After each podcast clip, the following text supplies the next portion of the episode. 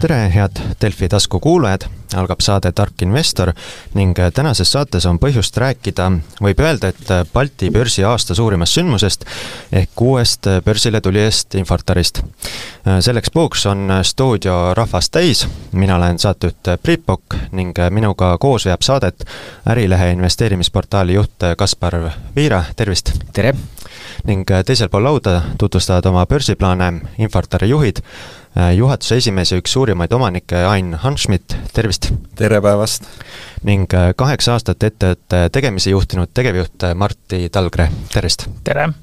pakkumise algusest on praeguseks, ehk siis saate salvestuse hetkeks möödas natuke enam kui kakskümmend neli tundi. mis tunne hetkel on, et kui edukas see esmaemotsiooni põhjal olema saab? Ütleme nii, et äh, see viimased kakskümmend neli tundi on olnud hästi-hästi kiire, et äh, oleme andnud palju intervjuusid, aga oleme väga palju rääkinud ka potentsiaalsete investoritega äh,. Investoritega kohtumine, just institutsionaalsete investoritega kohtumine hakkas meil tegelikult pihta juba umbes poolteist aastat tagasi. et seal on päris mitmeid nimesid, kellega me oleme ka korduvalt kohtunud ja, ja see huvi on osutunud isegi natuke suuremaks, kui me arvasime, et äh, tuleb välja, et, et ikka lähipäevadel ka õhtutund jääb üsna väheseks ja, jah, me plaanisime juba äh, IPO-t teha või börsile minna rohkem kui kaks aastat tagasi ja kui kui äh, esimest korda tahtsime börsile minna, siis see oli aasta kaks tuhat kakskümmend üks kevad, aga, ja enne seda me kohtusime investorid ja, ja siis tuli Vene-Ukraina sõda vahele ja siis me ei saanudki IPO-t teha või börsile minna, kuna olukord oli no nii, ütleme, kogu majanduskeskkond oli nii paigast ära ja tarneahelad olid paigast ära ja kusjuures enne seda sõda me vist veel kolm päeva varem kohtusime investoritega, kes küsisid veel küsimusi, et kui Gazprom lõpetab gaasiga tarbimise, mis siis saab? ja me veel see, tol hetkel ei uskunud seda, et et meil tegelikult see on väga pikaajalised kohtumised olnud ja nende samade investoritega, kelle me, kellega me kohtusime kaks aastat tagasi, kohtume ka nüüd. et, et ja see, nendel on nagu, kui me tol hetkel rääkisime oma arengut, siis kui nad nüüd vaatavad nagu tagantjärgi, siis me tegelikult lubasime vähem ja oleme teinud rohkem. et selles suhtes me oleme nagu positiivselt meelestatud jaa, eks ta üldiselt kipubki meil olema niimoodi, et äh, et me oma viie aasta plaanid tavaliselt kipume umbes kolme aastaga ära täitma, et äh, aga noh, Ain on öelnud, et see ettevõtluses on tavaline, et, et tal on see kogemus olnud äh, oma ettevõtluskarjääri algusest peale. ei, mina, minu nagu niisugune noh, isiklikult ma viskan natuke nalja, eks, et on printsiip olnud, et iga äriplaan peab kolme aastaga ära tasuma. kui sa siis eksid ja teed mingi vea, siis tasub ära viie-kuue aastaga mis need äh, peamised küsimused on olnud, mida need äh, suuremad investorid siis on teilt küsinud või mis neid nii-öelda kõhklema või kahtlema paneb? ma arvan, et selles mõttes noh, alustame sellest pihta, et, et meil on ju kolm äri ja kõik need ärid on, nad on küll nagu sarnased, aga nad on erinevad ka ja selles mõttes äh, eks me ju selgitame kõigi nende kolme äri iseloomu, ma arvan, et selles mõttes, mis on äh, Äh, investorid, kes meiega esimest korda kohtuvad, äh, kõige rohkem äh, küsima paneb, siis on nagu see, et kas meie energeetika viimaste aastate kasv on jätkusuutlik, me ise näeme seda, et, et see tase, kus me oleme jõudnud, on, on see, kus me tahame püsida. Kindlasti ma arvan, et need rahvusvahelised investorid on ju väga hästi olnud kursis Tallinki tegemistega ja, ja ja noh, Tallinkil ju läheb viimasel ajal väga hästi, et äh, oleme kirjeldanud, et mis muudatusi seal on tehtud, kuidas me sinna oleme jõudnud ma arvan, kinnisvara osas on, ähm, kuna see on ka meil kõige väiksem segment, siis selles osas on diskussiooni kõige vähem, et, et noh, nad saavad aru, et nende varade kvaliteet on kõrge, pigem küsimus on lõpuks nagu selles, et, et äh, tänases kõrgemas kapitali äh, äh, hinnakeskkonnas, et äh, mis on nende varade väärtus või kas neid väärtusi peaks natuke ümber korrigeerima, aga ma arvan, peamine diskussioon tegelikult ongi energeetika ümber. Ja noh, see taust on ju selles, et, et energiaettevõttena me oleme kasvanud hästi kiiresti ja me ei ole olnud ju avalikkuse tähelepanu all, et äh, ma arvan, et ka Eestis väga paljud inimesed on pidanud Eestit, Eesti gaasi, Eesti gaasiettevõtteks äh, äh, noh, reaalsus on tegelikult see, et meil rohkem kui kaheksakümmend protsenti müügimahtudest on täna väljaspool Eestit, kogu see kasv on tulnud väljaspoolt Eestit, kogu see kasumlikkuse kasv on tulnud ju peaasjalikult mahtude kasvust, pluss ma arvan, mis on väga-väga oluliselt muutunud, on see, et kui kui siin äh, mõned aastad tagasi infrastruktuuri osa meie kasumlikkusest või rahavoogudest oli noh, kümmekond miljonit eurot, siis täna on see juba rohkem kui nelikümmend miljonit eurot, et et selles mõttes ma arvan, et äh, investorid, kes meid kuulavad ja ja küsivad, saavad päris hea tunde selle koha pealt, et äh, meie kasumlikkus ja, ja kasv on, on jätkusuutlik ja, ja noh, seetõttu tundub, et huvi on päris suur. ja teine pool on, et, et me oleme esimene selline haldusettevõte või investeerimisfirma, mis läheb börsile siin Eestis või, või, või Baltikumis, et analoogilisi firmasid ei ole, kellel on mitu tegevusala, et investorid reeglina tahaksid ise või ütleme, investeerimisfondid tahaksid ise riski jaotada, et, et panevad ühte valdkonda teise, ütleme energeetikasse, laevandusse ja nii edasi, et ise jagavad. meie oleme teinud nüüd investoritele selle elu kergemaks, et oleme ise see investeerimisplatvorm või, või holding firma või haldusfirma, kes siis eh, on püü-, püüdnud need riskid maandada, et on erinevatesse valg-, valdkondadesse oleme in-, investeerinud ja, ja noh, nüüd ütleme aasta kaks tuhat kaks,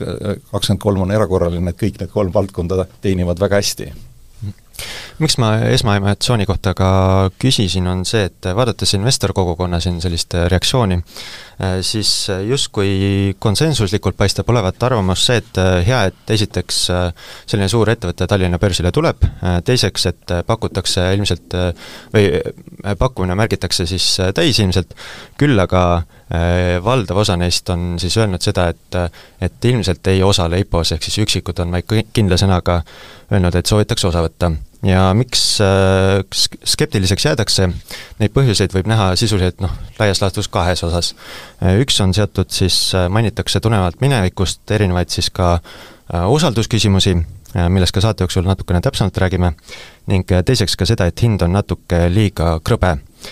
Kuidas kavatsete selliseid investoreid veenda, et ikkagi oleks tark tegu Infortari IPO-st osa võtta? Hakkame, hakkame hinnast pihta või? jaa, et ähm, noh, ütleme need head asjad ei ole kunagi odavad, et see, see on ju fakt, aga aga noh, see hinnavahemik, see kakskümmend kuus kuni kolmkümmend kaks eurot, et see on tulnud ju diskussioonidest institutsionaalsete investoritega, et äh, et noh, mida need numbrid tähendavad, et see kakskümmend kuus äh, eurot äh, aktsia kohta tähendab seda, et meie ettevõtte tänane väärtus enne IPO-t on siis umbes viissada viisteist miljonit eurot arvestades, et meie bilansiline varade väärtus on seal umbes seitsesada kaheksakümmend, vabandust, omakapitali väärtus, siis see tähendab, et see on umbes kolmandiku võrra odavam, kui on meie bilansiline väärtus. ülemine äär on kolmkümmend kaks eurot, mis äh, on siis orienteeruvalt äkki kuussada kolmkümmend miljonit eurot, mis tähendab, et siis see allahindlus on umbes kakskümmend protsenti. et noh, esiteks ma arvan, et võrrelda nagu meie varade baasi, millega nad meil on arvel, versus mis saab olema meie pakkumishind, et, et iseenesest on seal täitsa korralik allahindlus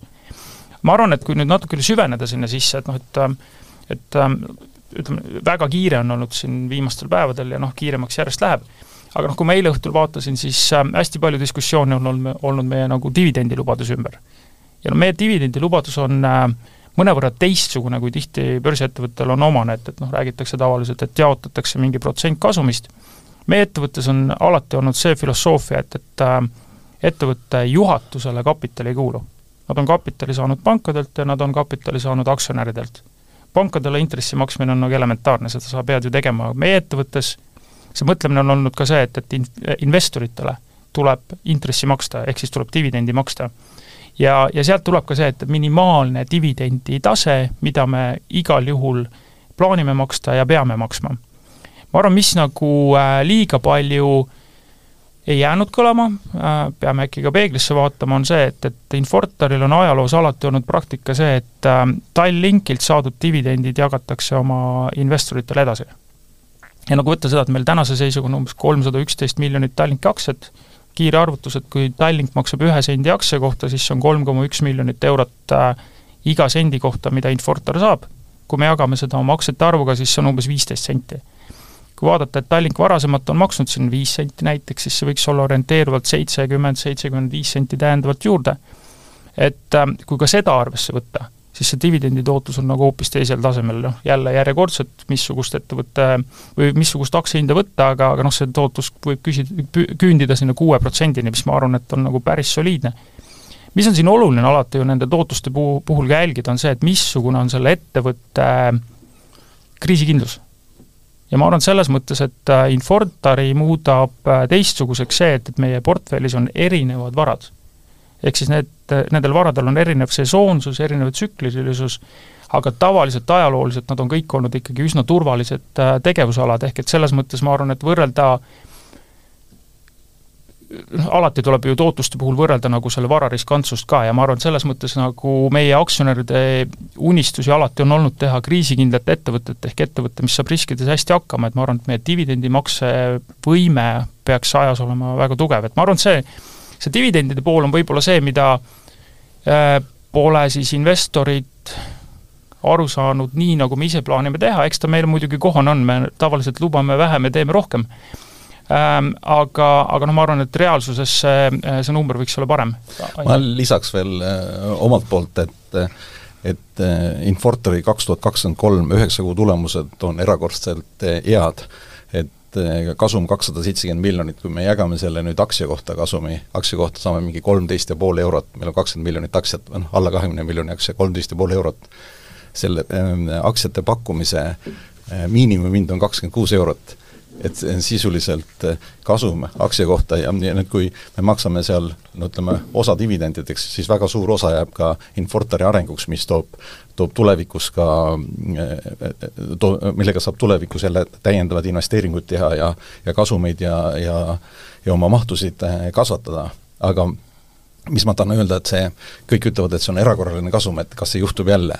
ega see, et ega niisugust kakssada seitsekümmend miljonit kasumit ei teeni niimoodi, et sa asutad firma ja lähed tänavale või hakkad midagi müüma ja teenid kasumit, see on, see on tegelikult ees, pikk töö. et aastal kaks tuhat kuusteist me hakkasime gaasi müüma Eestis, kaks tuhat seitseteist alustasime gaasimüügiga Lätis, kaks tuhat kaheksateist Leedus, kaks tuhat üheksateist avasime gaasifirma äh, Soomes, kaks tuhat kakskümmend hakkasime müüma, nüüd kaks tuhat kakskümmend või kakskümmend üks avasime Poolas, eks, litsentsi saime, sai, saime kakskümmend üks Poolas. et sul peab, see on nagu ütleme, sportmängus või või jalgpallis või korvpallis, et, et sa pead olema valmis selleks, et saada mingi hea, hea, hea sööt ja siis sa pead juba seda äh,, seda täide viima või realiseerima seda edukalt. et tänu sellele nagu pikaajalisele eeltööle tekkis meil võimalus saada selliseid erakordseid eh, kasumeid. ja ma arvan, et ka tulevikus, kui me, kui me tegutseme siin viiel turul Eestis, Lätis, Leedus, Poolas, mis on eh, noh, ütleme neli korda suurem kui Eesti, Läti, Leedu ja, ja Soome kokku,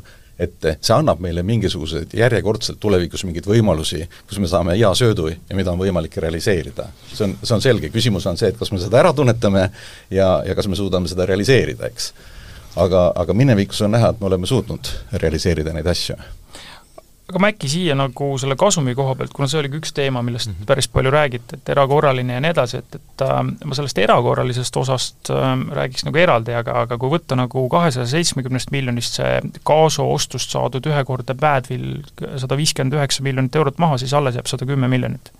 ja see sada kümme miljonit on täiesti tavapärane normaalne kasum, mida me oma äritegevuses tege-, teenime äh,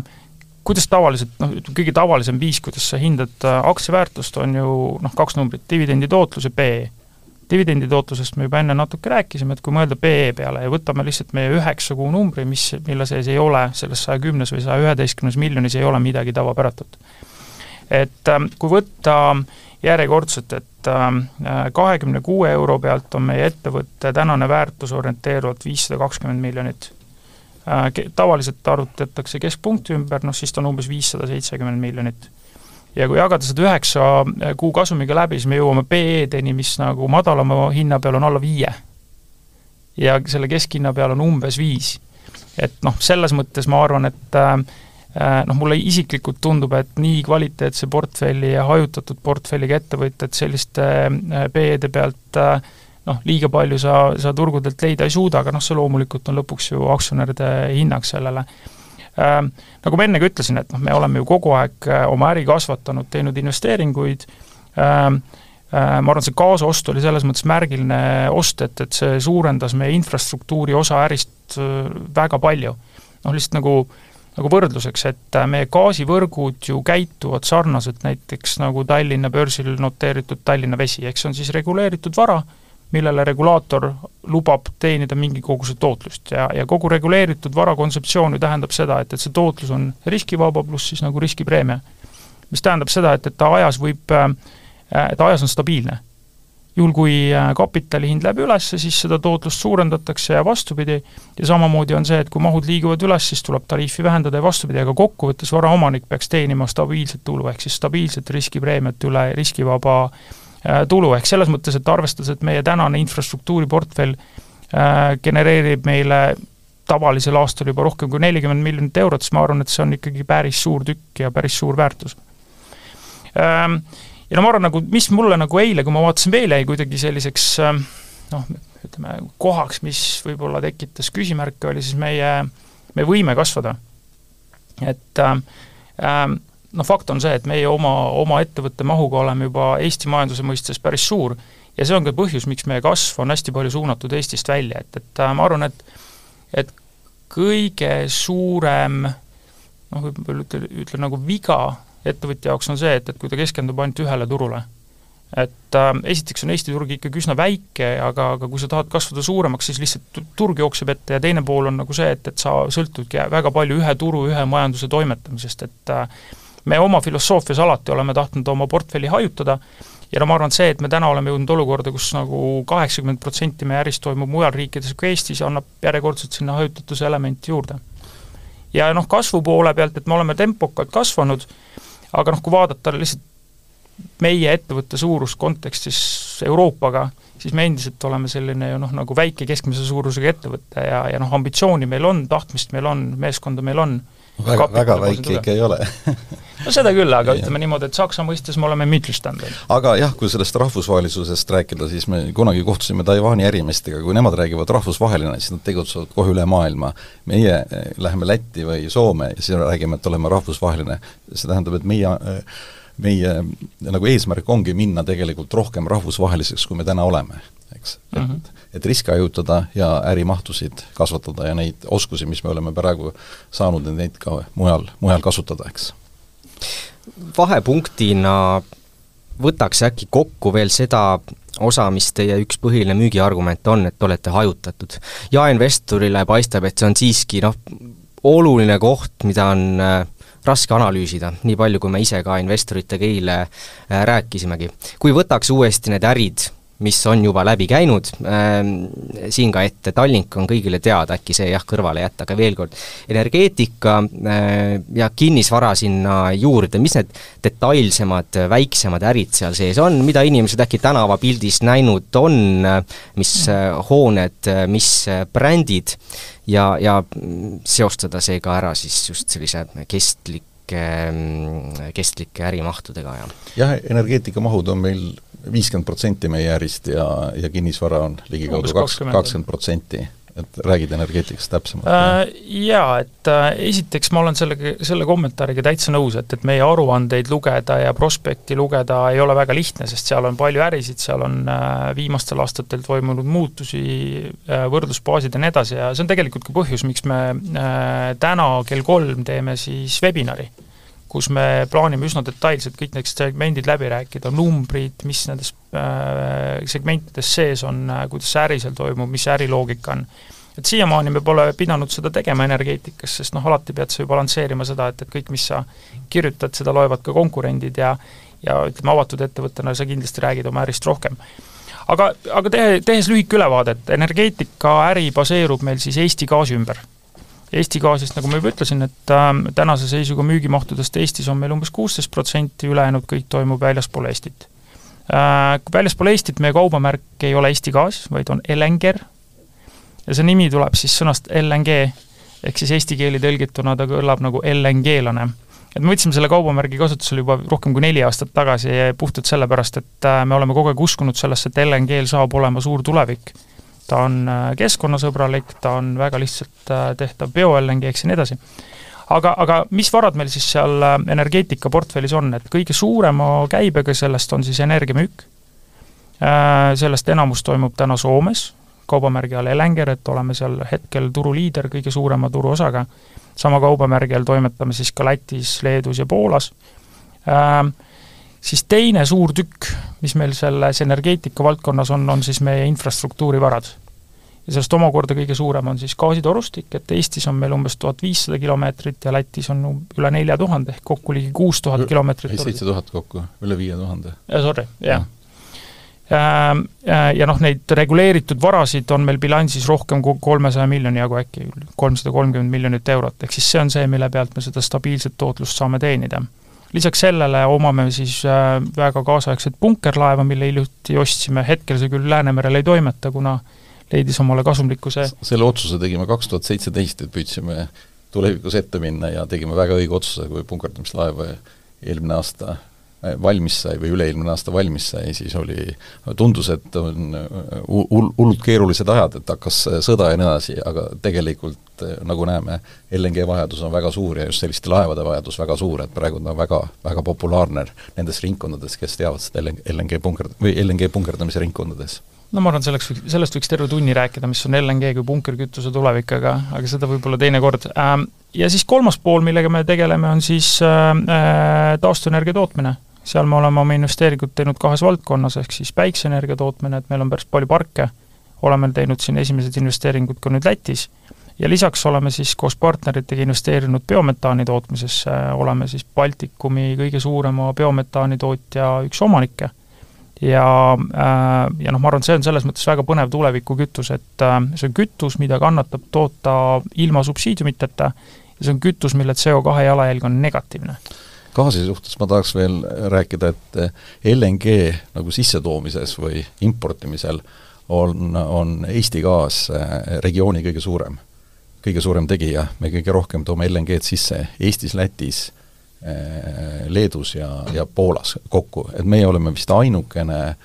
ainukene gaasifirma, kes toob LNG-d sisse läbi kahe terminali, läbi Inco terminali ja läbi Klaipeda terminali. et kuigi meie konkurendid on kõik riigiettevõtted, oleme me, ütleme, eraettevõttena on saanud kõige suurema turuosa seal. ühe asja sinna täiendaks lihtsalt, et äh, veel juurde, et äh, pärast äh, sõja algust Ukrainas ju siia regiooni enam torugaasi ei tule. Ehk siis kogu gaas, mida me täna tarbime, tuleb siia veeldatud kujul LNG-na. kuskohast see pärineb? see pärineb Norrast, Ameerikast, Katarist, nii edasi, meie oleme peaasjalikult ostnud siis Ameerika ja Norra gaasi ja, ja kui vaadata kogu seda turumahtu, siis me toome see aasta kaheksateist teravatt-tundi, see on siis kaheksateist suurt tankerit. Äh, kogu Baltikum ja Soome turumaht see aasta kokku on äkki nelikümmend viis, ehk siis meie turuosa sealt on nagu kolmandik ja pigem rohkem kui siin gaasihinnad kõrgele kerkisid, siis noh, oli palju juttu ka sellest, et gaasist peab eemale äh, liikuma. kui vaadata natuke pikemat perspektiivi, kümme-viisteist aastat äh,, kas on äh, äri, äh, mille mahud kasvavad äh, või vastupidi? ma alustan siin, et kui tuli välja aastal kaks tuhat kakskümmend üks tuli välja Fit for Fifty Five, eks see siis, kõik läheb roheenergeetika peale üle ja siis, kui, kui vaatasime, seal oli nagu eh, välja toodud neli stsenaariumit, missugune on energia tarbimine Euroopas aastal kaks tuhat viiskümmend. kui gaasitarbimine praegusel momendil on Euroopas ligikaudu kakskümmend protsenti, siis see stsenaarium näitas, et aastal kaks tuhat viiskümmend on kümme protsenti, et kukub nagu, kahaneb kaks korda. aga kui me nüüd vaatame neid turgusid, et Poola turg on kui Eesti turg on siin neli teravatti, Poola turg on kakssada teravatti Saksamaa turg on tuhat teravatti, kui see tuhande teravati pealt kukub ka viiesaja peale, on meil äri nagu küll ja küll, eks. et või Poola turu peal mm. kukub kahesaja pealt saja peale, me saame seal turuosa ütleme kümme protsenti, siis on meil siin äri küll ja küll, eks. aga see tulevikuvaade on hea küsimus äh,. Noh, ma hakkan nagu sealt pihta, et äh, paar aastat tagasi Rohetiiger äh, pani siis kokku Eesti energeetika tuleviku teekaardi tõenäoliselt nime ütlesin valesti, aga, aga ka selles nähti ette, et, et tulevikus Eestis gaasitarbimine on vajalik ähm,, sest ähm, noh, kui energiaturgu vaadata, siis seal äh, saades kogu energia taastuvenergeetikast, mis juhtub, on see, et meil on ikka perioodid, kui ei ole ei tuult ega päikest. noh, tavaliselt juhtub see veebruarikuus, kui on külm, ja sel perioodil midagi põletada tuleb äh,. Gaasi hästi selge roll tuleviku energeetikas on olla tipukütus, ehk siis Äh, tootmisvõimsused, mida ei kasutata aastas väga palju tunde, aga kui neid kasutatakse, siis seda võimsust on palju vaja ja, ja mis on gaasi hästi suur võlu, on see, et, et gaas reageerib hästi kiiresti. tänapäeva uued elektriturbiinid äh, saavad oma täisvõimsuse paari minutiga, et noh, lihtsalt võrdluseks, et, et äh, põlevkivi või kivisöe elektrijaam peab kogu aeg soojast tiksuma, kogu aeg emiteerima CO2 erinevalt gaasist, mille saad sa kiiresti käima panna ja kiiresti kinni panna eks selles mõttes see eh, puhtalt energia ja elektri tootmises gaasil saab olema tähtis roll, tagamaks ära neid auke, kui muid tootmisvõimalusi ei ole, sest ta on ikkagi väga efektiivne. ja noh, teine pool on nagu see, et kui vaadata gaasilist kütust tervikuna, siis see äh, iga energialahenduse puhul ju keegi ei taha kasutada prototüüpe.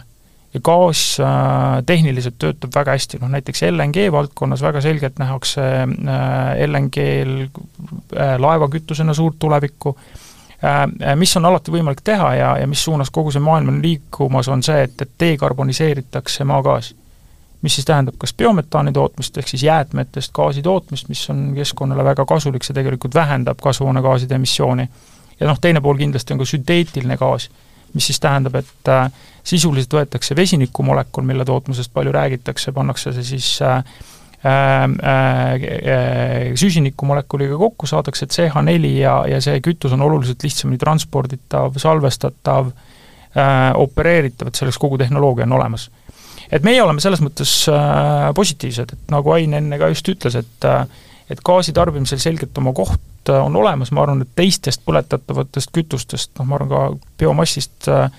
võrreldes on tema emissioon väiksem ja ainus emissioon, mis sealt tuleb, on ju nagu vesi ja CO2. Igasugused muud, muud asjad jäävad sealt ära jah, meile tundub jah, et gaas on praegu roheenergeetika kõige suurem sõber ja kui nüüd ütleme veel laevandusest rääkida, siis praegusel momendil me oleme vaadanud, et et kaheksakümmend protsenti laevadest, mis on praegu ehitamisel, on, ehitatakse LNG baasil. et tegelikult transpordikütusena LNG on kindlasti on LNG-l kindlasti tule, tulevikus, kui laevasid praegu ehitatakse, ehitatakse nad ikkagi kolmekümneks, neljakümneks aastaks aga noh, näiteks vaadata globaalselt, et äh, äh, võrreldes Euroopaga, Ameerika Ühendriigid on oluliselt vähem rääkinud ju CO2 vähendamise eesmärkidest äh, riigi tasandil. praktikas, mis on juhtunud, see, et, et ameeriklased kasutavad oluliselt rohkem täna maagaasi, mis tähendab, et nende emissioonid on vähenenud, Euroopas pandi tuumajaamasid kinni, hakati kasutama söeelektrijaamasid ja tegelikult CO2 emissioonid suurenesid. ja noh, näiteks me rääkisime siin enne Poolast ja Saksamaast, et mõlemal riigil on ju plaan äh, kivisööst proovida väljuda, kõige lihtsam lahendus seda teha on, äh, on minna üle maagaasile. noh, näiteks Poola näites kivisöe tarbimine on umbes kolm korda suurem kui maagaasi tarbimine, mis tähendab, et noh, Poola on ses mõttes unikaalne turg, et seal on orgaaniline gaasi tarbimise kasv nii et selles mõttes poliitikuid te ei karda, et üks hetk otsustatakse, et gaas pole enam parketikõlbulik? no ma arvan, et selles mõttes äh, selliseid otsuseid tehes tuleb alati läbi mõelda, mis siis veebruarikuus juhtub, kui tuult ei ole ja päikest ei ole ja et kust see elekter tuleb, et äh, energia puhul on ju alati hästi oluline see, et, et ta peab olema moodne, soodne äh, ja keskkonnasõbralik äh,, tihti võib-olla kiputakse unustama seda, et, et ta peab olema ka soodne. Ja ma arvan, et selles mõttes tipukütusena gaas siiski on väga, väga soodsa hinnaga energiaallikas investorite üks selline kartus on, et äh, gaasijärje koos kõrgete hindadega, äh, selle parimad ajad jäid siin eelmisesse aastasse ja osaliselt ka tänavusesse aastasse, äh, ehk siis seetõttu nii-öelda suuremad kasumid justkui saite nüüd viimastel aastatel kätte. et kuidas te nagu selles osas kommenteerite, et kui palju sõltub teie kasumlikkus sellest, milline hind parasjagu börsil on? Meil on kasulikum, kui hind on ikkagi madalam, et kui tarbimine on suurem ja ja aga mis see kõrge hind tõi kaasa, ta tõi kaasa, et paljud ettevõtted läksid turult välja, et lihtsalt nad nii, ei suutnud nii, nii suure kapitalimahuka nii suure kapitalimahuka äriga eh, tegeleda ja et kui me siin kõrgperioodil pidime gaasiga varustama, siis üks LNG punkerdamise laev maksis juba üle kolmesaja miljoni eh, euro sa, sa mõtled see ga-, gaasitanker, mitte ka, jaa, sorry, gaasitanker üle, üle kolmesaja miljoni euro, et tegelikult äh, see nõuab väga, väga palju kapitali, väga palju käibekapitali. et, et meie jaoks on ikkagi kas-, see andis meile võimalusi tegelikult rahvusvaheliselt laieneda ja minna uutesse riikidesse, meil on kasulikum, kui gaasi hind oleks ikkagi optimaalsem, me selle kõrghinna pealt tegelikult ei teeninud, pigem pigem oli meil halvem seis, aga aga kus me teenisime, oli see, et lihtsalt me turuosa igal pool suurenes, paljud kukkusid ära. seega, kui investoril on kartus, et kõrged kasumimarginaalid, mis nüüd siin viimasel ajal teenitud on, kaovad ära, siis selle kummutate ümber, ei, kasumit suudate endiselt samamoodi teenida? no me oleme ajalooliselt vaadanud, et meie energiamüügiäri kasumimarginaal, EBITDA marginaal on umbes kümmekond protsenti eelmine aasta ta on mõnevõrra kõrgem oli, aga no mis on oluline jälle aru saada, on see, et, et äh, me mitte kunagi ei võta hinna suhtes vaadet. ehk et kui homme hind kahekordistub või kukub kaks korda alla, see meie kasumlikkust ei mõjuta. me teeme kogu aeg tulevikutehinguid, me pane, me ei taha nagu spekuleerida või riske võtta. noh, me tahame ehitada ju kriisikindlat ettevõtet, aga spekuleerimine ja kriisikindlus ei käi kohe ku-, kuidagi omavahel kokku, et äh, et selles mõttes eelmise aasta tulemused olid peaasjalikult ju äh, mõjutatud sellest, et Äh, gaasitarnekindlusega tekkisid väga suured probleemid. kui tekivad suured riskid, siis kogu turul marginaalid kasvavad. marginaalid kasvavad selleks, et ära katta potentsiaalset riski, aga noh, ettevõte ju paralleelselt tegeleb alati ka sellega, et riski juhtida, ehk sa hinnastad need sisse ja, ja selles mõttes proovid, et need riskid ei realiseeruks ja selles mõttes oli eelmine aasta edukas aasta. kui aastat tervikuna vaadata, siis ta oli ikkagi hullumeelne aasta, et me olime olukorras, kus, kus suvel oli tõesti küsimusi, et kas gaasivarustuskindlus äh, säilib, äh, teine pool oli see, et, et äh, kogu see käibekapitali vajadus ju oli meeletu. et kui te mäletate, siis väga suured Euroopa energiaettevõtted vajasid riigi abi Eesti Gaas oli selles mõttes suur erand, et äh, meie riigilt äh, abi ei saanud ega tegelikult ka ei vajanud, äh, noh näiteks ju Skandinaavias riigid toetasid miljardite eurodega selleks, et ettevõtted ei läheks pankrotti, meie saime ise hakkama ja me suutsime tagada, et gaasitarnekindlus on olemas. Ja noh, kui vaadata, me oleme täna jõudnud gaasi maailmaturu hinnas noh, tasemele seal nelikümmend viis eurot, mis võib-olla on veel natuke liiga kõrge, kui oleks selline normaalne, aga ta on jõudnud üsna stabiilsele tasemele tagasi et noh, eelmine aasta kindlasti ma arvan, suurimaks probleemiks oli ju, ju Saksamaa, kes polnud nende riskide peale absoluutselt ette mõelnud ja siis järsku tekkis gaasipuudus, hinnad jooksid üles ja sellega said kõik tarbijad pihta. aga noh, meie vaates selle, selle efekt oli, oli minimaalne, pigem oli see meie jaoks väga suur peavalu, tuli, suutsime lihtsalt need probleemid edukalt seljatada, aga noh, kui vaadata seda, kus me see aasta oleme toimetanud, siis noh, see aasta me müüme gaasi koguseliselt kaks korda rohkem, hind on küll madalam, aga käive on suurem ja noh, kasumlikkus on suhteliselt sarnane vaatasin ka täna hommikul Dutch TTF-i siis äh, futuuride hindasid, et siin oli noh, siin praegusel talvel umbes seal neljakümne kolme euro kandis, siin järgnevatel aastal neljakümne, viiekümne euro vahel, et kas, kas see on ka selline hind, mida nii-öelda tarbijad ja ettevõtted suudavad äh, vastu võtta? või on vaja ikkagi hinda veel alla saada? noh, hinna lõpuks teeb turg et selles mõttes on natuke sarnane küsimus, et, et kas äh, tänane Euribor on äh, jätkusuutlik ja nii edasi, et, et selle üle ei tahaks äh, spekuleerida, et selle üle me isegi tegelikult vaadata ei oma. noh, pigem on nagu see lihtsalt, et et gaasil on globaalne turg, et, et kui, kui Aasias makstakse gaasi eest rohkem kui Euroopas, siis liiguvad Euroopa hinnad üles, kui, kui gaasinõudlus on väiksem, siis see hinnatase on madalam, aga, aga noh, selles mõttes vaadata lihtsalt, kus gaasi toodetakse, et noh, näiteks Ameerika Ühendriikides, seal see sünteetiline nii-öelda hind on ju veel madalam eks selles mõttes ettevaatavalt pärast seda, kui need tarneahelad ka kogu, kogu regioonis korralikult korda lähevad, noh tegelikult see gaasi hind võiks liikuda allapoole. mida me küll arvame, et seda tüüpi šokid, nagu eelmine aasta olid, noh need tulid sellest, et gaasi oli järsku puudu, kõik seda krabasid, sest nad pidid oma klientidele seda tarnima, see hind läks kosmiliseks, noh selleks pigem praegu keskkond küll ei tundu olevat enam siin äh, gaasiäriga veel äh, see küsimus, et siin prospektis justkui viitasite, et Poola on selline suur ja pot-, potentsiaalikas turg, aga samas ei olnud väga detailselt just mainitud seda, et mis plaanid teil täpsemalt seal on? mis teil seal kavas on? no ähm, me, meie äriidee on alati olnud see, et, et kui sa teed midagi hästi, siis tee seda rohkem me alustasime oma eh, rahvusvahelist müüki Lätis, eh, Leedus, Soomes, ma arvan, meil on väga hästi töötav ärimudel, et selles mõttes me oskame oma positsiooni juhtida, me oskame kliendisuhteid juhtida. meie gaasiäri keskmes alati ongi lõppklient, ehk siis selles mõttes me ei ole, ei ole seal kuskil vahepeal, et me nii-öelda ainult impordime, vaid me tahame müüa oma lõppkliendile ja see on kõige suurem väärtus. Ja noh, Poola on tohutult suur äh, turg, et selles mõttes äh, väga selgelt peab aru saama, missuguste klientidega seal tööd teha et me kindlasti ole, oleme alati kliente valinud ja aga noh, mis on Poolale omane, on see, et seal on ju väga paljud meie tänased kliendid, kes omavad tootmisi. ja noh, see on kõige loogilisem. väga palju detailidesse ei, ei saa siin minna, kuna peame piirduma selle infoga, mis prospektis on. aga noh, suures pildis on see, et me kopeerime seda, mis me oleme mujal teinud kasutame neid kogemusi, kasutame seda platvormi, kasutame neid IT-süsteeme ja äh, loome kohaliku müügiettevõtte või nii-öelda müügiorganisatsiooni, kes siis suhtleb klientidega ja, ja usume, et see on ka edu alus. et Poolas me peame tingimata kohal olema, kuna see turg on nii suur ja ja, ja, ja töötame praegu klientidega ja loodame, et järsku tekivad mingisugused erakorralised võimalused jälle. kas viie aasta pärast on Poola teie jaoks kõige tähtsam turg? noh, kui vaadata seda, et Poola turumaht on suurem, on neli korda suurem võrreldes selle turuga, kus me täna toimetame, siis äh, nii võiks loota küll, jah aga ega me ikkagi analüüsime ja vaatame, et me tahame kasumlikult äri teha, et me lihtsalt eh, nagu kuidas öelda, turuosa kasvatada ei taha või mahtu kasvatada ei taha niisama tööd mm -hmm. tehes, meil, meil kõik need ärid peavad olema kasu, kasumlikud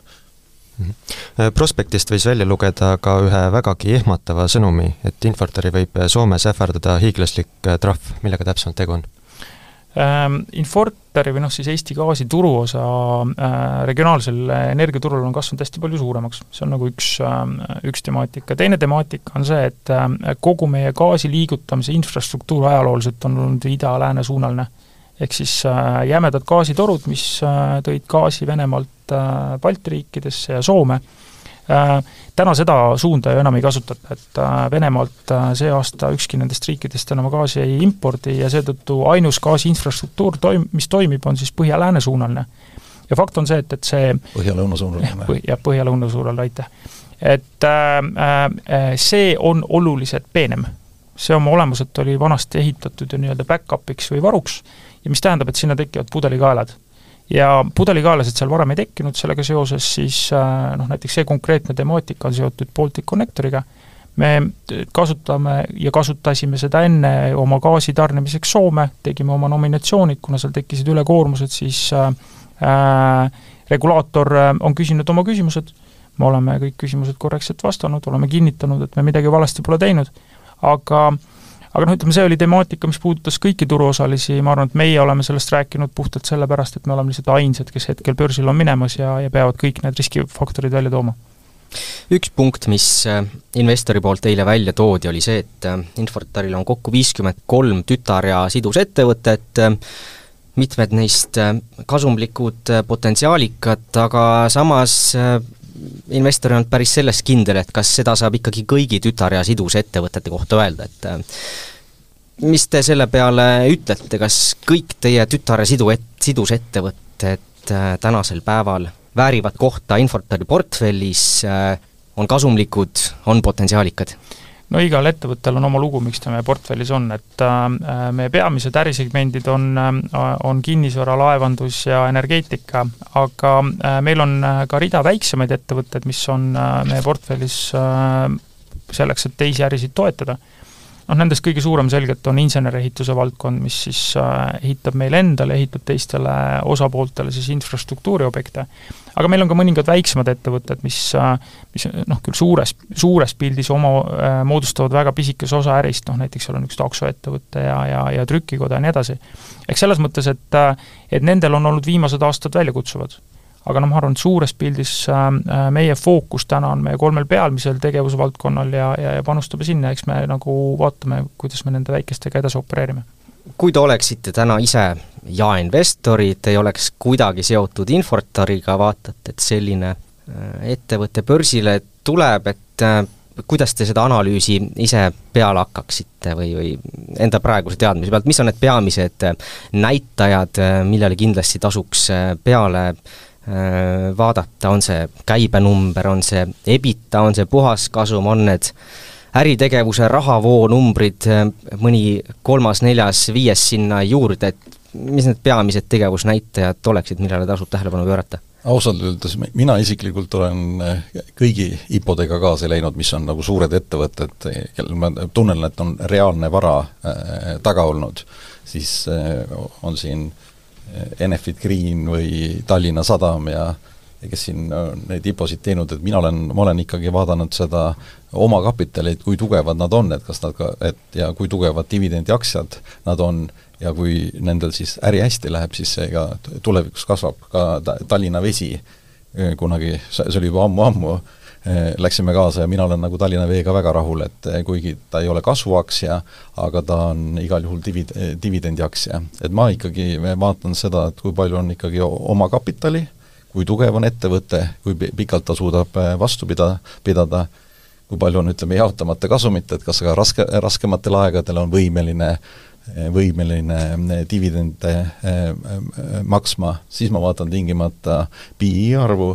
et kui palju siis eh, on, eh, kui palju on siis kasum, eh, kasum ettevõtte väärtusesse või ettevõtte oma, oma kapitali, et need on ja, ja ma olen nagu praktikas kogu aeg seda teinud, ma olen püüdnud ka välismaalt osta, ma mäletan, kuidas see Araabia naftafirma tuli Ra börsile, ta tuli börsile, siis ma tahtsin ka sealt IPO-st osta, aga öeldi, et eelistame kõigepealt araablasi ja siis teises järjekorras saavad välismaalased osta, et siis kahjuks ei saanud võib-olla ena-, enda poolt kommenteeriks seda juurde, et äh, Ain on küll oluliselt kauem selle ettevõtte juures olnud kui mina, aga ma arvan äh,, noh, kogu see meeskond on ju noh, ehitanud seda ettevõtet nii, nagu ta usub, et korralik ettevõte peaks välja nägema, et meie meie strateegias me alati oleme vaadanud ju seda, et, et kui kiiresti sa oma ettevõtte raha, et investeeringu tagasi saad, et noh, selles mõttes, kui ma ise investeeringuid teen, siis alati oluline näitaja minu jaoks on olnud PE ehm, et noh, näiteks, et kui vaadata just neid nii-öelda kasvuaktsiaid, äh, noh, mõned äh, suured siin Ameerika börssidelt ja nii edasi, et, et kui seal PE-d on kolmkümmend ja nelikümmend ja kuuskümmend, ma olen alati olnud äh, nagu puzzled on inglise keeles see sõna, et, et noh, et kuidas see väärtus sealt tekib, et kuidas lõpuks see raha kätte saadakse, sest noh, lõpuks sul iga ettevõtte ähm, äh, PE peaks olema noh, ütleme kümne tuuris, et see on selline tavalise ettevõtte, kuhu mina investeerin, tase, et sealt üle minna. äh, on, on keerukas, et selles mõttes ma arvan, et me ennem Infortari B-st rääkisime, et see on, äh, on, on noh, oluliselt madalam kui kümme, mis tähendab, et, et äh, et see hind ju võiks tunduda, tunduda hea. Äh, noh, teine teema, mis mina ka alati vaatan, on ettevõtte dividenditootlus ja võib-olla ka nagu dividendi maksmise võimekus. ehk siis vaba rahavoog, et see on ka põhjus, miks me ju vaatame EBITDA-d ja, ja tehes investeeringuid, kui me mingeid ettevõtteid ostame, siis me alati vaatame, mis on äh, EBITDA kordaja, et noh näiteks Tallinki aktsia puhul mina täna vaatan seda, et, et kui, kui EV EBITDA ehk siis, et mitu korda kulumeelne ärikasum ettevõtte koguväärtus on, see tähendab siis aktsiat netovõlg pluss aktsiakapital, Tallinki puhul see hind täna on kuus. Selles mõttes samamoodi tundub nagu mõistlikult olevat hinnastatud ja see on ka see, miks me Tallinkisse oleme investeerinud, et ja kui sa vaatad EBITDA-d laenudesse, et palju Tallink siis kasvavoogu või vaba raha teenib, siis laenudesse on see kaks koma seitse viimase mhm. üheksa kuu andmed eks selles et oli aasta kaks tuhat üksteist, kui oli, või kaks tuhat kümme või midagi, kui oli see kolmteist, eks aga ma arvan selles mõttes, et ähm, kui ma vaataks seda ettevõtet väljast sisse, ma usun, et mul oleks sarnased küsimused, et kas see rahavoog on jätkusuutlik ja, ja noh, see on ka see põhjus, miks me seda räägime, et me ise usume, et see on jätkusuutlik, et see on äh,, tuleb erinevatest segmentidest, noh, kinnisvara, laevandus, energia infrastruktuur, energeetika müük või energiamüük, et, äh, et see on päris hea äh, komplekt või selline korv erinevatest äridest, mis on äh, sarnased, aga erinevad, aga kõik on stabiilse rahavooga ja noh, meie EBITDA genereerimise tase on samamoodi olnud väga, väga kõrge, ma arvan, et mis on, mis on veel üks põhjus, miks me kindlasti tahame jaeinvestoritega meie äh, numbritesse koos põhjalikumalt süveneda, ongi see, et, et noh, meil näiteks seesama Tallink, Tallink ju meie EBITDA-s ei kajastu. Tallink meie bilansis on, aga Tallink meie EBITDA-s ei kajastu, ehk et seda tuleb tükina eraldi vaadatuna. et noh, mina ise tõenäoliselt vaataks seda ettevõtet nii-öelda nagu äh, osade summana ehk siis vaataks, et mis on energeetikatüki võrreldav väärtus, mis on Tallinka tüki väärtus, mis on kinnisvaratüki väärtus ja noh, ütleme, ega ma arvan, et selles mõttes ka meie nõustajad meie, meie äh, hinnastamisvahemikku äh, äh, paika pannes täpselt niimoodi lähenesid. kui aktiivselt äh, osaleb Infortar äh, siis Tallinki juhtimises suuromanikuna, juhtimise suunamises? no ütleme, et päris aktiivselt, et Enpant on äh, Tallink, aktsiaselts Tallingi nõukogu esimees ja Enpant on ka aktsiaselts Infortari nõukogu esimees.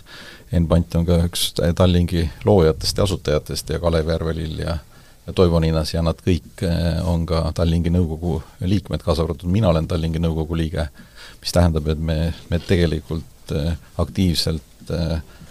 tegutseme nagu Tallinki strateegilises juhtimises ja, ja ka igapäevases kontrollis. no ma arvan, iseenesest see on ettevõtte suur tugevus, kui ettevõtte suuromanikud äh, nõukogusse kuuluvad, et äh, et siis neil on oma nahk mängus no mul on hea näide, et, et kogu aeg räägitakse, kui olulised on sõltumatud eh, investorid. me puutusin eelmine aasta nõukogu liikmed? või sorry, eh, sõltumatud nõukogu liikmed, eks. eelmine aasta puutusin eh, kokku ühe, ühe Soome ettevõttega, kes ütles, et, et tal on vaja ainult kolm miljonit eurot, et kui me nagu noh, maksaksime talle kolm miljonit eurot ette või mis tahes, et siis ta saab, siis ta pankrotti ei lähe, siis ta pankrotist saab välja. siis ma võtsin need nõukogu liikmed välja, vaatasin, et nad olid kõik no väga jõukad inimesed, kui mitte kõige rikkamad seal, ütleme, eh, naaberriigis, eks. ja, ja, ja mitte keegi ei pannud seda kolme miljonit sisse. et noh, sõltumatud, ta, ta ütleb, et nad on nii sõltumatud, et nad ei toetada, eh, ei taha toetada, aga näiteks kui Tallink oli siin aastal kaks tuhat eh, kakskümmend üks raskustes, kui oli vaja täiendavat IPO-t teha,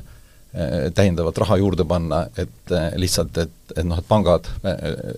pikendaksid oma laenusid või noh, et siis pidid ju investorid näitama seda, et nad usuvad Tallinki ja meie Infortarina võtsime kohe selle, andsime garantii, et me paneme pool seda emissiooni täis, me panime isegi üle poole seda mm. emissiooni täis et kuigi aeg oli ju väga segane, keegi ei teadnud, millal Covid ära lõpeb, mis juhtub, aga kui on sul sõltumatud eh, nõukogu liikmed, eks, kellest mitte midagi ei sõltu ja, ja need ei taha panustada, siis lähevadki firmad pankrotti, eks. No eks seal selles mõttes on, et, et noh, ajad on erinevad, et, et kui ajad on head, siis on äh, võib-olla see mõnevõrra vähem tähtis, aga, aga, aga noh, kui ajad on keerulised, siis keegi peab võtma juhi rolli, keegi peab olema see, kes kreeditoridega läbirääkimisi peab ja suhtleb. Ja ma arvan, selles mõttes nagu äh, kogu see pandeemia periood Tallinki vaatest, ma arvan, see, et, et Infortar oli seal tuumikomanik, oli väga-väga suur äh, võit, et noh, kui Novalpina tegi oma ülevõtupakkumise, et kui seal oleks olnud lihtsalt killustatud väikeaktsionäride ring, siis ma arvan, et see oleks õnnestunud tänase seisuga. ja, muidugi oli Paavo Nõgene ka väga tubli oma, oma meeskonnaga ja juhtkonnaga, aga, aga me olime nagu tuumikinvestorina igal juhul selja taga, et me mingil juhul esiteks hoidsime Tallinki enamusosalust ja teiseks ka pankadele lubasime, et kui on ta-, vaja toetust Tallinkile, me seda teeme ja me seda ka tegime. kuigi tagantjärgi vaadates, noh, me tol hetkel juba rääkisime, seda toetust ei ole vaja, sest Tallink on nii hea firma, et ta isegi kõige raskemal ajal EBITDA ei läinud miinusesse. aga, aga see oli nagu, kuidas öelda, nagu sa ütled, et pangad tahtsid, et me jagaksime, jagaksime nende valu ja oli see sõnum. aga noh, ütleme, et ma arvan, et äh, Tallinki juhtkonda liiga palju kiita ei ole võimalik, et noh, see, kuidas äh, see meeskond, ettevõte tõi välja situatsioonist, mida ma arvan, et üheski riskistsenaariumis ei olnud, ja noh, tõi välja selle niimoodi, et ettevõte küll oli kahjumis, aga nii-öelda EBITDA või rahavoo tasemel ükski aastane raha ei põletanud. ma arvan, see on fenomenaalne ja noh, Tallinki puhul oli, oli nagu see, et, et ega see äri ei jäänud seisma mitte sellepärast, et järsku inimesed ei tahtnud sõita. äri jäi seisma sellepärast, et too hetk äh, tehti valikud, et äh, majandus pannakse kinni. poliitilised otsused. jah, et noh, selles mõttes Rootsi ei pannud oma majandust kinni ja noh, Rootsis me ju ka mõne, mõningaid nii-öelda uusi liine toona opereerisime, aga, aga selles mõttes see oli poliitiline otsus, ehk selles mõttes ma arvan, et et noh, arvestades, kus see ettevõte too hetk äh, järsku oli, et äh, sõnum oli see, et, et äri enam teha ei tohi ja, ja noh, selles hetkes ähm, võib-olla mõni inimene arvas, et noh, selle riskiga oleks võinud arvestada, et see noh, ei olnud ka päris õiglane, aga, aga arvestades, kuidas välja tuldi, oli ikkagi fenomenaalne. mul on siia ka hea niisugune lõbuslugu, et kui me aasta kaks tuhat viisteist pidasime läbirääkimisi, et et Eesti gaasi osta Fortumi ja Gazpromi käest ja ITER-e käest, ja siis, kui me lõpuks sain need nagu tehingud kõik tehtud ja siis jooksin panka ja küsisin, et et teate, et me ostame Eesti gaasi, siis äh, panga, pangatöötaja või pankur siis vaatas mulle otsa ja ütles, et Ain, milleks sulle seda vaja on? siis ma mõtlesin, et see on niisugune hamletlik küsimus, et olla või mitte olla, ja, ja siis tol hetkel ma isegi ei saanud aru, et milleks mul seda vaja on. aga kui tuli aasta kaks tuhat kakskümmend, kakskümmend üks oli Covidi kriis ja Tallink oli suures äh, kahjumis, siis meil energeetikasektor, Eesti Gaas töötas väga hästi, tegelikult oligi selleks vaja, et üle elada need kriisid siin äh, Tallinkist ja kinnisvaraärist ja kõigest sellest on äh, juttu, võiks siin veel pikemaltki olla, aga tulles tagasi siin selle konkreetse IPO juurde, äh, siis üks selline investorite küsimärk on ikkagi jätkuvalt ka seesama, mis ma saate alguses mainisin, on usaldusteema. Märkides Infortari siis aktsiaid, näitab inimene seeläbi ka usaldust ettevõtte juhtkonna vastu ja vaadates viimaste aastate tulemusi, siis äriliselt on tõsi, seis olnud väga hea Äh, olete väga edukalt siin gaasiäris läbi löönud, äh, teisalt tõstatuvad mõningad küsimused minevikust, nii küsimused siis läbipaistvusas osas kui ka negatiivsed kogemused näiteks äh, Tallinki IPO-ga. Alustades viimasest, mis läks Tallinki IPO-ga valesti, et aktsiahinna tippaeg jäi sinna kaugesse minevikku? ma olin Tallinki, Tallinki IPO juures, seal oli, ütleme, noh, tagantjärgi vaadates oli esimene suur viga oli see, et nõustajad küsisid või pakkusid äh, Äh, olemasolevatele aktsionäridele välja, et, et võite ka IPO käigus oma aktsiaid müüa ja osad aktsionärid kasutasid seda võimalust. Äh, osad aktsionärid ütlesid ei, et nad ei müü. ja, ja aga nüüd nõustajad unustasid tegema, tegemata nendega need lock-up või kuidas, kuidas eesti keeles sulgemis lukustamislepingud. või lukustamislepingud, eks, unustasid need lepingud tegemata ja kui IPO tuli, siis, siis äh, oli, oli, oli ütleme, investor, kes hakkas kohe müüma, kuigi me olime temaga ennem rääkinud, kas ta tahab müüa, ta ütles, et ta ei taha, ta hakkas müüma ja, ja kuna ta oli noh, suhteliselt odavalt saanud, siis ta müüs seda ikkagi päris kaua aega, minu arust ta hiljem isegi ostis seda tagasi, ma ei ole sada protsenti kindel, eks, aga, aga see oli nagu esimene, esimene nagu kõige, kõige, kõige suurem viga. Ja noh, teine asi, ega tuli kaks tuhat kaheksa, kaks tuhat üheksa peale kohe, kaks tuhat ku-, kaks tuhat viis oli IPO, kaks tuhat kaheksa, kaks tuhat üheksa tuli peale, kus oli ju Lehman Brothersi kriis, eks, kus see oli noh, ettearvamatu, mis midagi on, aga Tallink elas selle üle, kuna kui, kui kriisi, kriis on, siis siis inimesed kaugele reisi peale ei lähe, aga tulid siia, et see oli nagu ma arvan, et üks suur asi. noh, ütleme hinna suhtes no võib vaielda, tol hetkel Tallinkil oli hädasti täiendavat kapitali vaja, täiendavat raha vaja, see maht oli väga suur, sada, sada kuuskümmend kuus miljonit või mis see oli, mis nad, mis Tallink nagu raha sai, eks. Noh, me püüame praegusel momendil neid vigu vältida, me oleme praegu olemasolevate aktsionäridega kõikidega teinud niinimetatud lukustamislepingud kuueks kuuks väikeaktsionäridele, aastaks otsaks suuraktsionäridele, keegi aktsionäridest oma aktsiaid praegusel momendil IPO käigus ei müü, keegi isegi ei tahtnud müüa, me küsisime ja, ja, ja kõik noh, kauplemiseks, kauplema lähevad siis need aktsia, aktsia, aks-, tähendab need aktsiad, mis, mis ostetakse juurde, olemasolevad nagu insiderid, paljud ostavad, ostavad ka uuest IPO-st endale täiendavat aktsiaid juurde. kas te ise osalete IPO-s? jaa, kindlasti. kui suures mahus? No ma arvan, see info saab kohe varsti avalikuks, et me oleme insiderid, me peame selle Finantsinspektsiooni kõigepealt teatama ja see, ma arvan, see teatatakse, tuleb avalikuks õige pea. aga noh, hea tava on see Kuna..., et, et insiderid esimesel päeval märgivad, nii et ma et, arvan, et et me, meil ongi ainult õigus märkida esimesel, esimesel päeval, see tähendab eile teine usalduse küsimus puudutab äh, teid ennast, Aini, äh, ilmselt pole see küsimus ka võõras, kuna aastate jooksul eks korduvalt uuritud juba seda, aga ikkagi. ehk inimesed tahavad teada, kuidas te täpsemalt ikkagi sattusite ühispanga juhispositsioonilt ühel hetkel ootamatult Tallinki omanikuks. ja tsiteerin siinkohal Maalehe peatoimetajat, endist pikaaegset majandusajakirjanikku Hindrek Riikoet, Infortari kui börsifirma läbipaistvuse, läbipaistvuse üks osa peaks olema see, et äh, tulevased investorid teavad, kuidas senised suuromanikud on oma osaluse saanud. Äh, kui palju on selles kõva tööd, kui palju õnne ja kui palju teenete eest saadud ja kas kõik see on olnud ka eetiline. nii saavad väikeinvestorid, investorid otsustada, kas nad usaldavad oma raha nende meeste kätte. Äh, meenutaks natuke, et kuidas see siis täpsemalt juhtus, et saite no, Tallinki omanikuks? no ütleme, et me oleme seda Tallinki IPO käigus ka juba seal minu meelest selles memorandumis või prospektis, prospektis ähm, rääkinud. ma ei tea, mäletame, mis me seal täpselt rääkisime, aga noh, ma ta-, ma tahan, ütleme, inimkeeli rääkida seda, et ma olen kogu aeg ettevõtja olnud. ma olen juba tuhat üheksasada kaheksakümmend, kui ma läksin, olen Nõukogude Liidu aega, õppisin majandust. siis ei olnud majandus väga populaarne, siis ma tegin karjääri ikkagi ainult majandusvaldkonnas. tuhat üheksasada üheksakümmend kaks hakkasin ettevõtjaks Eh, Koit Uus kutsus mind eh, ära, ma olin nagu maavalitsuses majanduse peal, vastutasin, eh, kutsus mind ära, läksin, siis tekkis võimalus saada Maapanga nõukogu, Haapsalu Maapanga nõukogu esimeheks, mille aktsiakapital oli või omakapital oli kakssada tuhat dollarit tol ajal. siis siis ühendasime ligikaudu viisteist panka. tol ajal kõik ajakirjanikud rääkisid, et ühispank läheb pankrotti Eh, oli nelikümmend kaheksa panka üheksakümmend kaks, ei läinud pankrotti, SEB ostis ära ja, ja kõikide hoiustajate eh, noh, varad jäid eh, alles, eks, paljud pangad läksid pankrotti ja nad, ja hoiustajad ka, äh, kaotasid raha, et selles suhtes, et nagu et, et mitte, mitte usaldada, et ma oleks mingit hoiustajate rahasid ära võtnud või see, või lasknud pankrotti, seda, see, see on nagu, kuidas öelda, noh, häbematus. isegi professor Aagelberg, kes oli kunagi Eesti Panga Nõukogu liige ütles, et Ants mitte ei peaks mitte peksma, vaid talle tuleks orden anda selle eest, et eh, nii paljudele inimestele jäi tegelikult raha deposiitidele eh, alles. Eh, olen ettevõtjana tegutsenud, Enbandiga me oleme sõbrad juba aastast üheksakümmend kaks, Enbant on, ütleme, veel suurem ettevõtja, veel tublim, ta oli enne seda UBB panga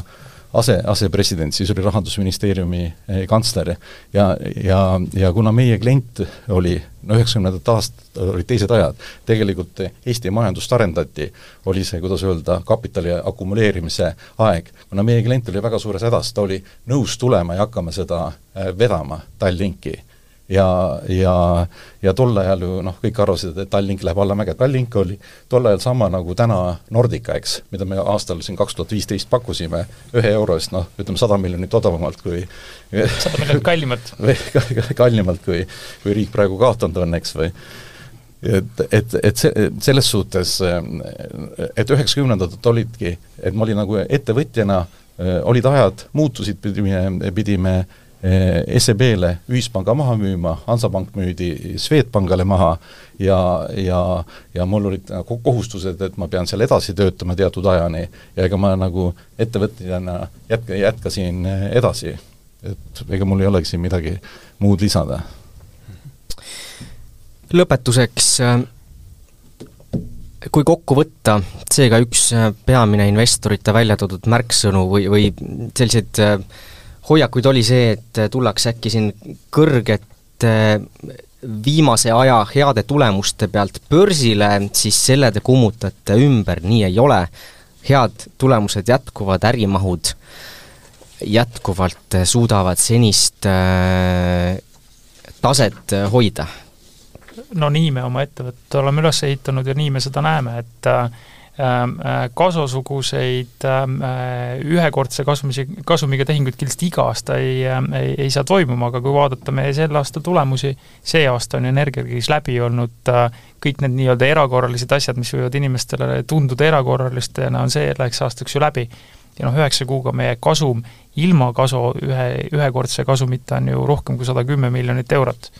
et äh, ja noh, meile tundub küll, et ettevõtted on tugevatel jalgadel, ettevõte kasvab, meie numbrites ju siiamaani ei kajastu eurotki kasumit veel meie uuest investeeringust kasos. eks selles mõttes me vaatame küll äh, tulevikku optimistlikult.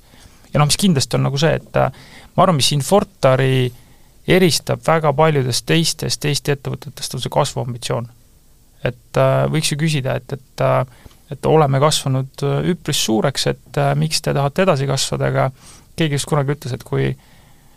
Ain vist oma sünnipäevakõnes ütles, et kui Warren Buffett oleks kuuekümneselt pensionile läinud, siis teda mitte keegi ei teaks.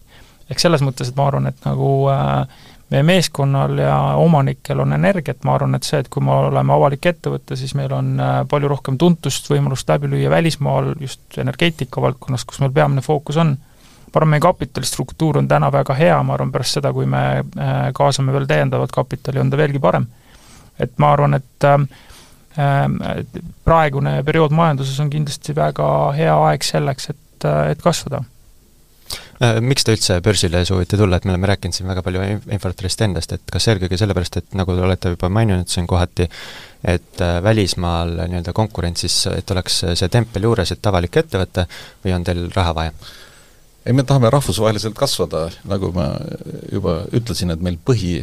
põhikonkurendid, nagu siin enne tekstis tuli, et põhikonkurendid on meil ikkagi riigiettevõtted ja ja väga paljud äh, meie kliendid ja, ja ka tarnijad on hämmastunud, et private company